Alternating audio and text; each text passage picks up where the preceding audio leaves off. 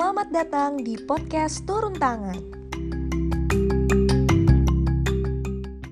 Assalamualaikum warahmatullahi wabarakatuh. Halo pejuang, apa kabar? Selamat pagi. Well, ya ini pagi karena aku lagi recordingnya pagi. Uh, jam berapapun kamu lagi dengerin, mudah-mudahan kamu tetap semangat berjuang di mana pun kamu berada dengan uh, isu-isu atau masalah sosial apa pun yang sedang kamu hadapi kok awalnya udah berat banget ya. But anyway, ini ini juga aku lagi deg-degan. Ini ini aku prima, teman-teman. Jangan kaget kenapa kok tiba-tiba aku membajak uh, podcast sudut pandang pejuang. Ini sesekali aja kok. Suatu hari nanti aku akan kembalikan ke host regulernya yaitu Farika. Tapi uh, kali ini akan ada eh, hal-hal uh, yang spesial di podcast sudut pandang pejuang. Jadi make sure kamu dengerin dan subscribe uh, podcast Sudut Pandang Pejuang.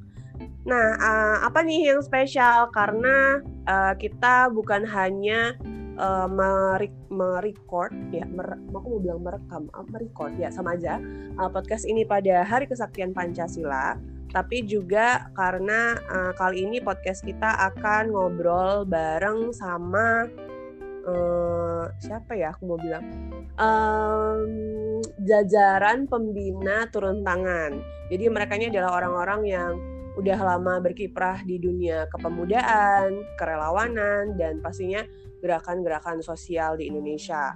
Nah, kita tuh emang beruntung banget teman-teman karena uh, kita itu nggak harus jauh-jauh ke mana-mana untuk belajar tentang kepemudaan atau kerelawanan atau isu-isu sosial karena uh, pembina-pembina kita tuh adalah orang-orang yang wah luar biasa banget. Makanya aku nggak mau eh, lama-lama langsung aku ajakin Mas Heri Darmawan. Halo Mas. Hai hai, terima kasih Budir sudah Aduh, mengundang. Oh, oh, manggilnya Budir lagi, ya ampun. Mas malu Mas. BTW Mas Heri Darmawan ini sekarang lagi uh, berkarir di mana nih Mas? Iya, sekarang lagi dapat amanah uh, di Pemprov Jakarta sebagai analis public policy analis, Prim. Wow, oke. Okay. Ini kayaknya pas banget sama bahasan kita hari ini. Kita bahasannya apa? Tunggu dulu, karena aku min mau minta Mas Heri menceritakan gimana dan kenapa Mas Heri bergabung sama Turun Tangan dulu. Wah, ini nostalgic sekali. Uh, jadi pagi-pagi yang sendu nih kalau kayak gini. jadi dulu ceritanya 2010 awal mulanya ya.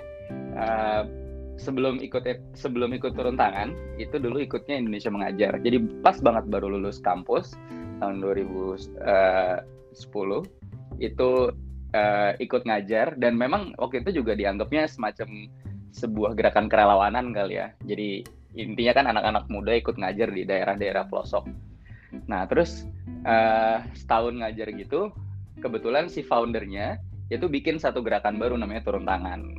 Nah, jadi lumayan sih ikutnya pas awal-awal juga gitu turun tangan. Saat itu um, bahkan saya juga gabungnya sebagai relawan juga. Ada hal menarik kalau di Indonesia mengajar dulu kan premis utamanya mendidik adalah tugas setiap orang terdidik gitu ya. Fokusnya memang ngajak semua orang itu untuk terlibat bahwa pendidikan sebagai gerakan. Nah, uh, setahun ngajar gitu kan waktu itu saya di di uh, penempatan Kapuas Hulu namanya Kalimantan Barat terus sadar bahwa uh, ini oke okay banget ya kalau ternyata semua orang itu bisa ikut merasakan kita punya masalah apa sih kalau selama ini kan kalau ngelihat ada masalah pendidikan kalau dulu ya saya di Indonesia mengajar itu kayak kesannya masalahnya kementerian atau masalahnya dinas gitu dinas pendidikan setempat tapi dengan uh, framework gerakan kita bisa ngajak orang-orang yang bahkan awalnya tidak kita bayangkan untuk terlibat. Jadi kalau di saya waktu itu kita ngajak apa pedagang-pedagang toko di sana untuk ikut ngajar uh, dan bahkan mereka bisa menyediakan tempat sesimpel itu gitu. Jadi nggak harus melulu substansi.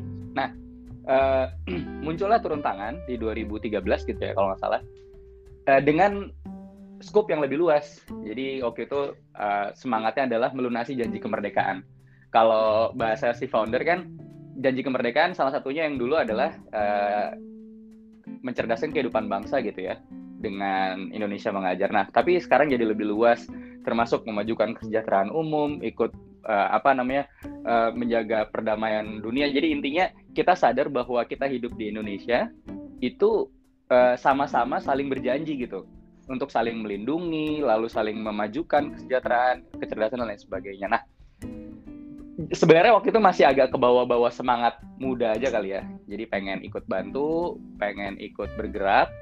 Jadi awal mulanya memang karena semangat positif yang ditularkan dari uh, aktivitas saya sebelumnya di Indonesia mengajar gitu, Prim. I see. Ini ini menarik sih karena uh, aku menggarisbawahi uh, framework gerakan di mana ternyata semua orang itu bisa terlibat ya. Jadi uh, kalau dulu ketika aku sebelum gabung di turun tangan, aku juga mikirnya kayak yang namanya relawan tuh pasti anak muda gitu mas. Ternyata hmm. pada saat aku sekarang sudah ber, uh, berkiprah di turun tangan, aku ketemu ternyata relawan-relawan tuh tadi seperti ini Mas Heri bilang ya, kalau aku ketemu kayak dokter, hmm. ternyata orang yang kerja di karyawan swasta gitu, dia juga bisa jadi relawan gitu. Bener banget uh, kalau selama uh, sama turun tangan tadi dari sejak tahun 2013 itu uh, Mas Heri sempat jadi apa aja ya? Jadi apa nah, aja? iya, jadi benar-benar pernah ngerasain kayak yang teman-teman uh, pendengar juga gitu. Saya pernah jadi relawan yang di Gembala. jadi ikut datang acara gitu kan, terus uh, ikut rame-rame uh, sampai akhirnya diminta bantuannya jadi panitia-panitia teknis gitu kan. Waktu itu setiap ada kumpul uh, awalnya tuh fasilitator gitu uh, sesama relawan kan kelihatan nih yang aktif-aktif gitu kan yang berisik-berisik. Ya udah akhirnya saya diminta bantuan untuk memfasilitasi teman-teman relawan baru misalnya gitu. Nah lama kelamaan uh, ternyata turun tangan makin besar. Uh, daerah-daerahnya tuh waktu itu kan udah puluhan gitu di awal-awal. Itu uh, mulai ada kebutuhan nge-recruit officer Nah, jadi masuk dalam turun tangan sebagai eh, officer untuk kerelawanan.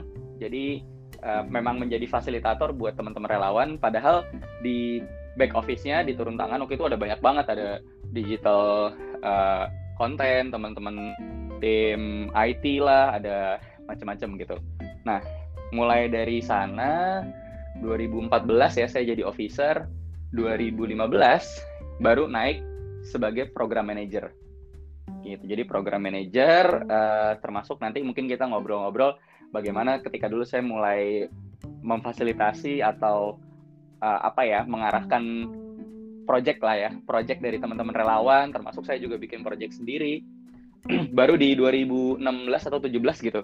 Kebetulan uh, dapat panggilan lainnya untuk ngebantu dalam hal ini uh, di Pemprov DKI ternyata dapat amanah diamanahkan sama para bos-bosnya untuk jadi sekretaris yayasan turun tangan gitu.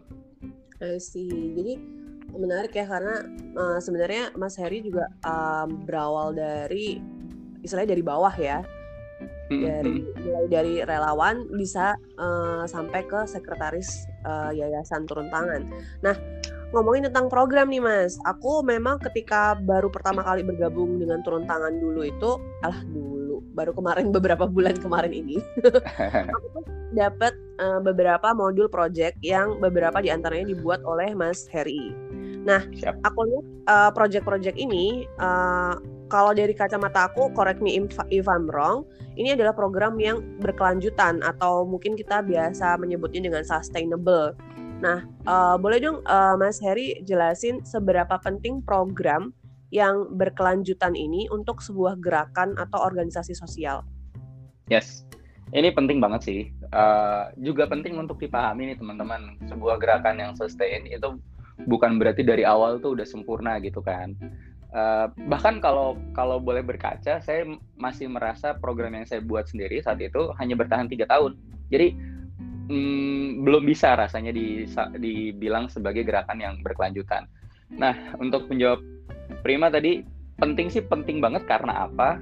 Karena perjalanan berulang dari sebuah project itu yang akan membuat projectnya semakin impactful kalau menurut saya. Jadi uh, mungkin akhirnya saya cuma bisa cerita dari sudut pandang yang telah saya jalani ya. Uh, dulu saya bikin kelas negarawan muda namanya sebuah kelas pembelajaran politik buat anak-anak uh, usia sekolah SMA.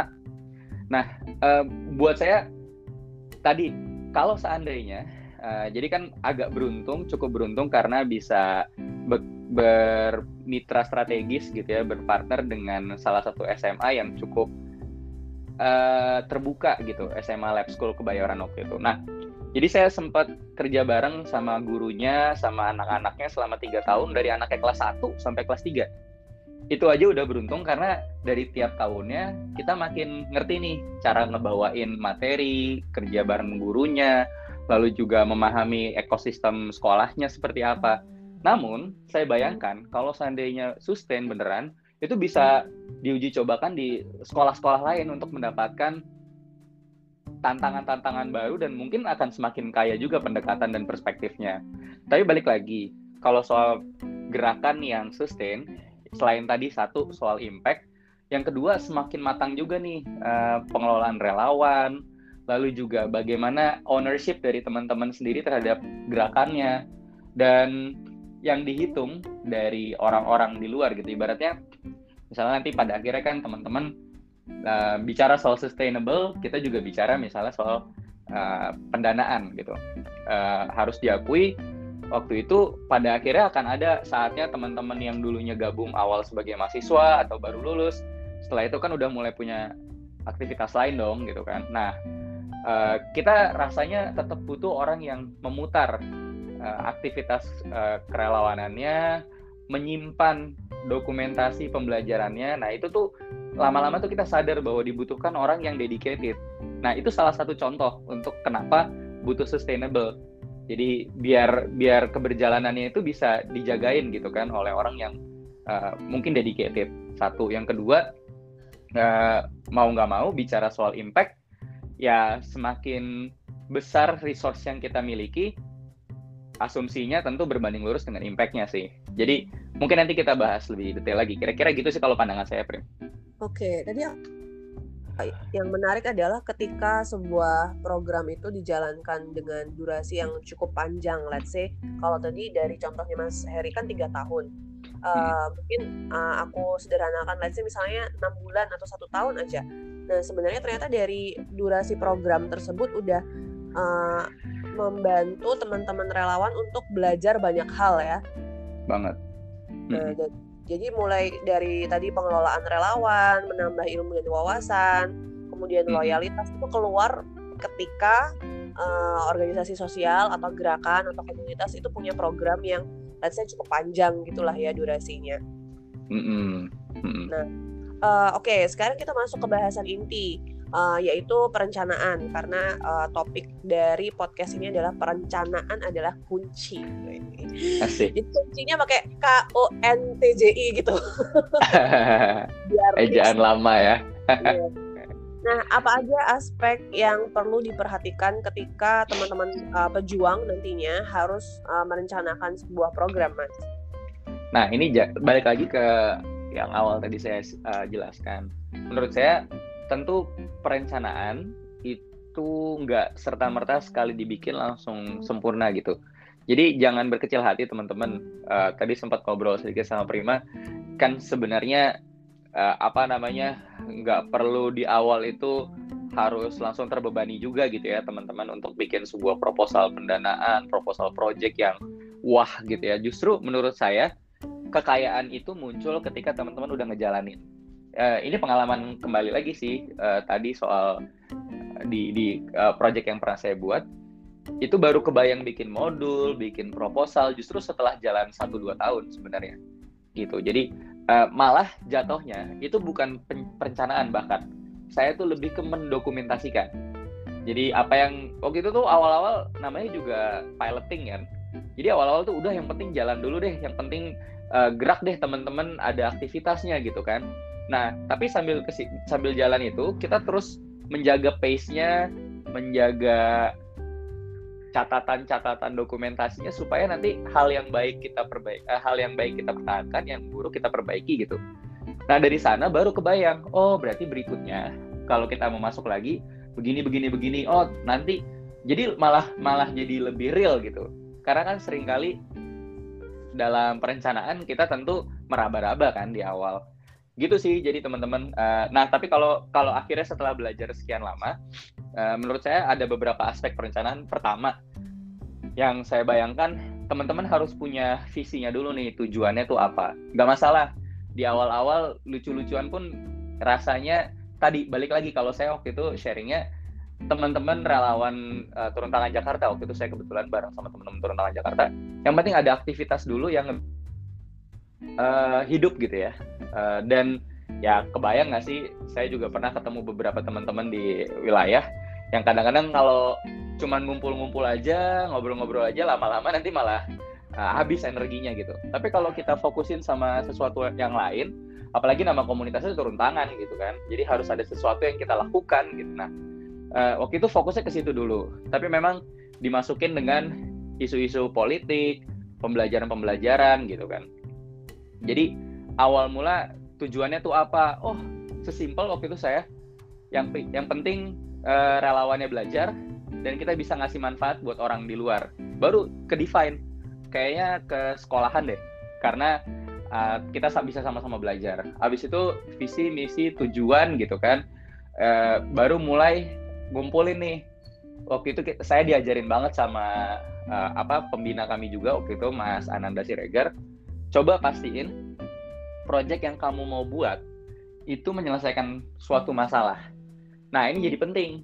Jadi waktu itu belajar soal uh, root cause problem uh, ibaratnya kalian cari sebuah masalah lalu tanyakan lima kali kenapa. Uh, misalnya waktu itu saya kebayang ya, setelah 2014 waktu itu kan ribut-ribut pilpres gitu ya kami di turun tangan Jakarta waktu itu ngerasa kayaknya anak mudanya nih malah jadi jengah nih sama politik sama polarisasi yang kemudian terjadi lagi sebenarnya di 2019 tapi uh, satu hal soal jengah satu hal lagi soal anak muda juga harus tetap dikasih pencerdasan gitu kan. Waktu itu belum seramai sekarang sosmednya. Nah akhirnya kita nanya lagi kenapa ya ini terjadi, kenapa ya ini terjadi, sampai ujungnya kita ngerasa kayaknya mungkin dari pertama kali mereka mengenal kata politik dan negara itu aja tuh udah nggak nyangkut dengan baik bahwa negara kita tuh dibangun dengan tujuan yang mulia dan lain sebagainya. Nah akhirnya ya udah yuk kita coba masuk lewat pelajaran ppkn gitu sih. Jadi ada analisis yang harapannya uh, semoga bisa menjawab apa masalah yang diadres itu yang kemudian uh, jadi yang pertama tadi kan soal tujuan lalu juga analisis masalahnya nah kemudian kayaknya yang nggak kalah penting tuh nanti nih kalau pas sudah jalan teman-teman kebayang SDM-nya butuh berapa sih? Kalian mau ng ngelakuin kegiatan apa? Lalu berapa SDM-nya terus berapa lama kalian ngerjain itu? Penting sih untuk ngedefine waktu yang akan dilakukan selama satu siklus siklus projectnya. Karena nanti teman-teman jadi kebayang oke okay, sampai di sini titiknya kita akan evaluasi dan kembali ke awal gitu mungkin itu dulu nanti kalau udah jalan dan beneran sustain baru kita bicara soal pendanaan gitu kali Prim Oke, okay. oh iya aku juga mau ngingetin teman-teman pejuang kalau uh, salah satu project yang tadi dari tadi kita bicarain yaitu kelas negarawan muda itu udah ada Instagram live-nya. Jadi teman-teman bisa ngelihat Instagram @turuntangan di IGTV. Nah itu bisa ngelihat aku uh, interview sama Katika. Katika juga adalah salah satu inisiator kelas negarawan muda dan di situ juga uh, Katika menceritakan banyak hal tentang uh, program kelas negarawan muda itu. Nah, kalau sama Mas Heri ini kita lebih banyak ngebahas tentang perencanaannya gitu loh, teman-teman. Nah, uh, aku tadi menangkap beberapa aspek. Yang pertama di visi atau tujuan, aktivitas, terus kemudian sasaran dan juga resource. Tapi kan uh, tadi kalau Mas Heri bilang juga sebenarnya uh, apa yang uh, Mas Heri dan tim kelas negarawan muda lakukan itu lebih kepada dokumentasi dan evaluasi ya. Nah, uh, sebenarnya kalau sekarang ya Mas Heri sudah uh, tahu lebih banyak tentang perencanaan program. Sebenarnya hmm. apakah perencanaan program itu harus berwujud sebuah proposal atau dokumen tertulis atau gimana nih Mas? Hmm, iya, uh, rasanya baik sih memang. Tapi jangan jadi jangan jadikan itu beban juga ya teman-teman. Baik dalam hal ketika teman-teman uh, mencatat menuliskan apa yang jadi perencanaan di awal, maka itu akan bisa menjadi baseline yang objektif untuk teman-teman bandingkan dengan hasilnya nanti gitu. Jadi, nah ini yang menurut saya juga uh, masih sangat sulit dibudayakan di kita semua prosesnya mencatat prosesnya mendokumentasikan prosesnya. Jadi saya tuh sampai freak juga sih dipikir-pikir. Itu kan dulu bikin grup WhatsApp ya. Terus saya catetin dong siapa yang ngomong siapa yang ngomong usulin apa. Jadi bagaimana dinamika relawannya saya catetin siapa yang aktif apa yang membuat jadi pembicaraan jadi aktif apa yang membuat jadi tidak aktif gitu-gitu. Nah itu tuh apa ya? Mungkin saat itu energinya lagi agak berlebih. Cuman uh, karena masih muda kali ya mas ya. Iya iya iya. Tapi tapi jadinya tuh uh, kalau misalnya disuruh cerita saya bisa cerita nih panjang lebar soal apa yang terjadi saat itu dengan masing-masing uh, project-projectan kecilnya gitu di kelas negarawan muda. Karena uh, itu yang nah balik lagi itu sih yang menurut saya uh, saya masih punya slide awal ketika dulu pitching sama teman-teman jadi apa namanya ngobrol eh gimana kalau ini gimana kalau gitu. Terus ya berevolusi lah uh, si kelas negaraan muda itu. Um, dan kalau saya sih ngebayanginnya tadi sih uh, Prim bahwa not necessarily harus jadi proposal yang uh, siap untuk dipasarkan gitu ya. Minimal kalian punya batch, uh, baseline yang nanti akan jadi pembanding untuk ke uh, aktivitas berikut berikutnya gitu. Oke, okay. kalau aku sih uh, mikirnya gini, kayaknya kudu dicatat ya biar nggak lupa gitu loh. Biar yang namanya ide-ide itu nggak cuma sekedar diomongin, tapi ternyata kemudian time pass dan akhirnya nggak jadi apa-apa gitu kali ya Mas ya? Yap, yap, yap. I see. Nah, uh, pertanyaan uh, berikutnya gini, uh, kalau dari pengalamannya Mas Heri, uh, padahal udah ada perencanaan, let's say kayak gitu, atau atau bahkan kayak perencanaan yang dibuat untuk project berikutnya sudah berdasarkan evaluasi dari aktivitas yang sudah berjalan. Sebenarnya seberapa banyak, kayak berapa persen gitu Mas, uh, perencanaan yang dibuat itu bisa terlaksana atau kayak apa aja tantangannya dalam implementasi perencanaan program? Oh, mm -mm. Iya, kalau saya ngebayangin apa namanya ketika kita merencanakan itu memang eh, tergantung kita memahami kemampuan eksekusi kita ya. Jadi eh, waktu itu saya baru misalnya saya baru berani membuat satu perencanaan tentang kita bikin Olimpiade Negarawan Muda namanya. Itu pas kita di tahun ketiga terakhir itu butuh pendanaannya lumayan 50 juta gitu atau berapa ya saya lupa. Uh, sekitar itu. Nah itu baru berani ke arah sana setelah tahu nih relawannya sudah mulai matang uh, ada juga yang baru-baru dan ternyata bawa jejaring. Kita juga lebih clear dalam menjelaskan apa itu kelas negarawan muda dan turun tangan gitu ya. Sehingga berani juga untuk mampir ke sana sini untuk coba mencari sponsorship dan lain sebagainya. Nah, tapi itu nggak akan mungkin saya lakukan di awal mula si kelas negarawan muda muncul di tahun pertamanya. Jadi uh, menurut saya nanti kita akan mengetahui kapasitas eksekusi kita. Jadi justru dengan uh, semangatnya turun tangan banget, motonya turun tangan, think big, start small, act now gitu. Jalanin dulu aja. Uh, nah dengan semangat itu yang sebenarnya kalian akan tahu ujungnya mau ke mana, akan bertambah lagi uh, apa namanya substansinya, gerakannya makin kaya gitu kan. Jadi um, buat saya sih perencanaan di awal kalian yang uh, apa namanya kalau kalau bahasa di manajerialnya itu kan smart ya. Sustain apa? Specific, measurable, attainable. Nah, attainable ini sesuatu yang ka kalian yakin sebenarnya bisa dicapai dulu di awal gitu. Terus R-nya apa sih? T-nya time bounded kan ya? Uh, sebentar. Real. Aku... aku tahu tapi aku lupa. Benar sebenarnya itu adalah rumus paling dasar deh. Kayaknya relevan. Relevan ya. Jadi kayaknya itu apa ya uh, sebuah ya kalau tadi perencanaan adalah kunci minimal kuncinya smart itu deh karena itu bisa ngebuat uh, gini menurut saya perencanaan itu akan oh ini jadi menjawab pertanyaan sebelumnya juga nih baru kebayang perencanaan yang baik akan membuat siapa pun yang bergabung dalam project kamu kerelawanan ini terbayang apa yang mau dilakukan. Gitu nggak sih? Jadi makin jelas apa yang mau kalian lakukan akan makin mudah menggerakkan orang ikut bantuin. Daripada nggak jelas kan ya pokoknya nanti kita ngajar deh ngajar apa nggak jelas mau ngapain uh, soal apa misalnya kayak gitu. Nah semakin jelas perencanaannya bahkan semakin rinci. Ini pengalaman pribadi ya. Semakin rinci semakin kita bikin rundownnya dengan niat itu teman-teman relawan makin excited. Wah gokil men. Ternyata uh, kerelawanannya nggak kaleng-kaleng nih gitu kan. Itu sih menurut saya juga salah satu aspek penting dari perencanaan. Oke, aku jadi menangkap gini juga ya Mas. Ketika teman-teman uh, berhasil merencanakan sesuatu, nanti ini akan membangun uh, komunikasi atau bahkan membangun promosi dari program itu sendiri, gitu ya Mas ya? Yap, yap, yap betul. Iya karena uh, karena gini kan ada beberapa misalnya teman-teman relawan turun daerah yang uh, bingung ketika oprek gitu. Ya sebenarnya uh, akan lebih mudah untuk oprek kalau yang dioprek itu tahu eh yang dioprek ya yang direkrut itu tahu apa yang sebenarnya teman-teman turun tangan daerah sedang kerjakan gitu kali ya sederhananya. Exactly, persis. Bener banget.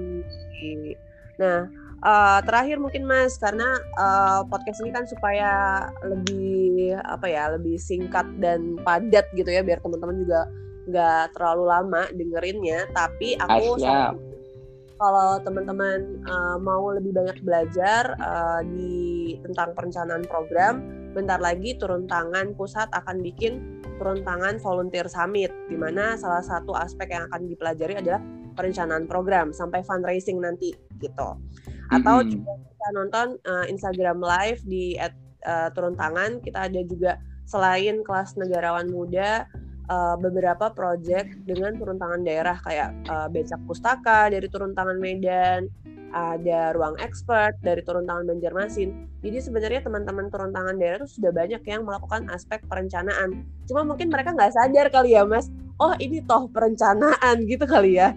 Iya iya iya ya, benar. Oke, jadi pertanyaan terakhirku adalah apa pesan dari Mas Heri uh, untuk relawan teman-teman uh, turun tangan daerah supaya mereka nggak khawatir atau nggak, aduh aku takut duluan dalam membuat perencanaan program.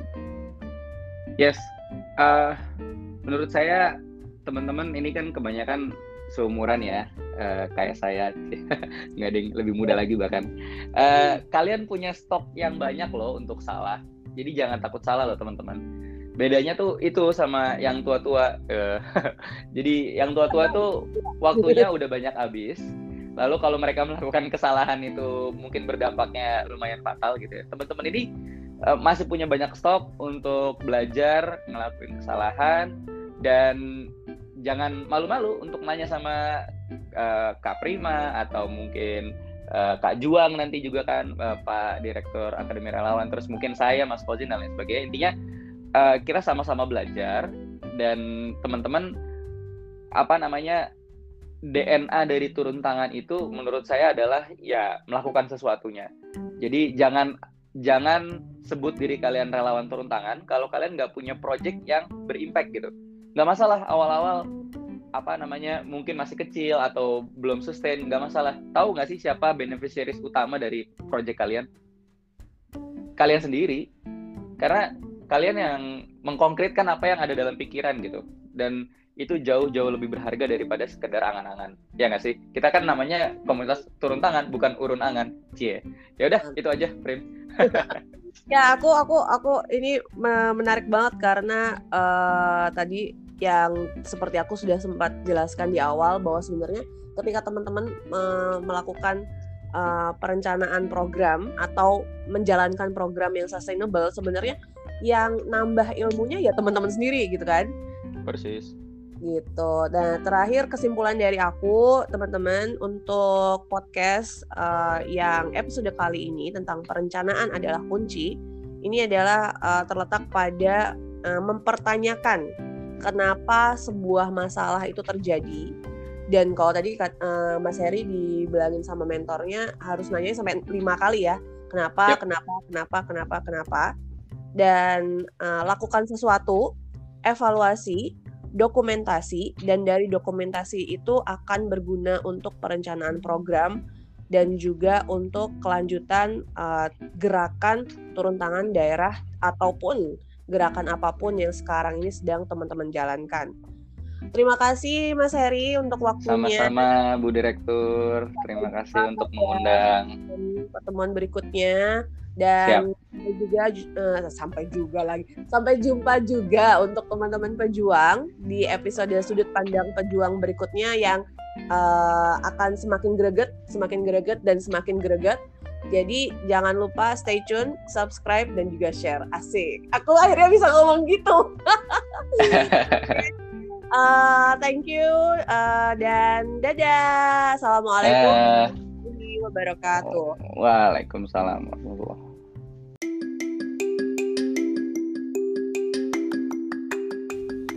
Think big, start small, act now.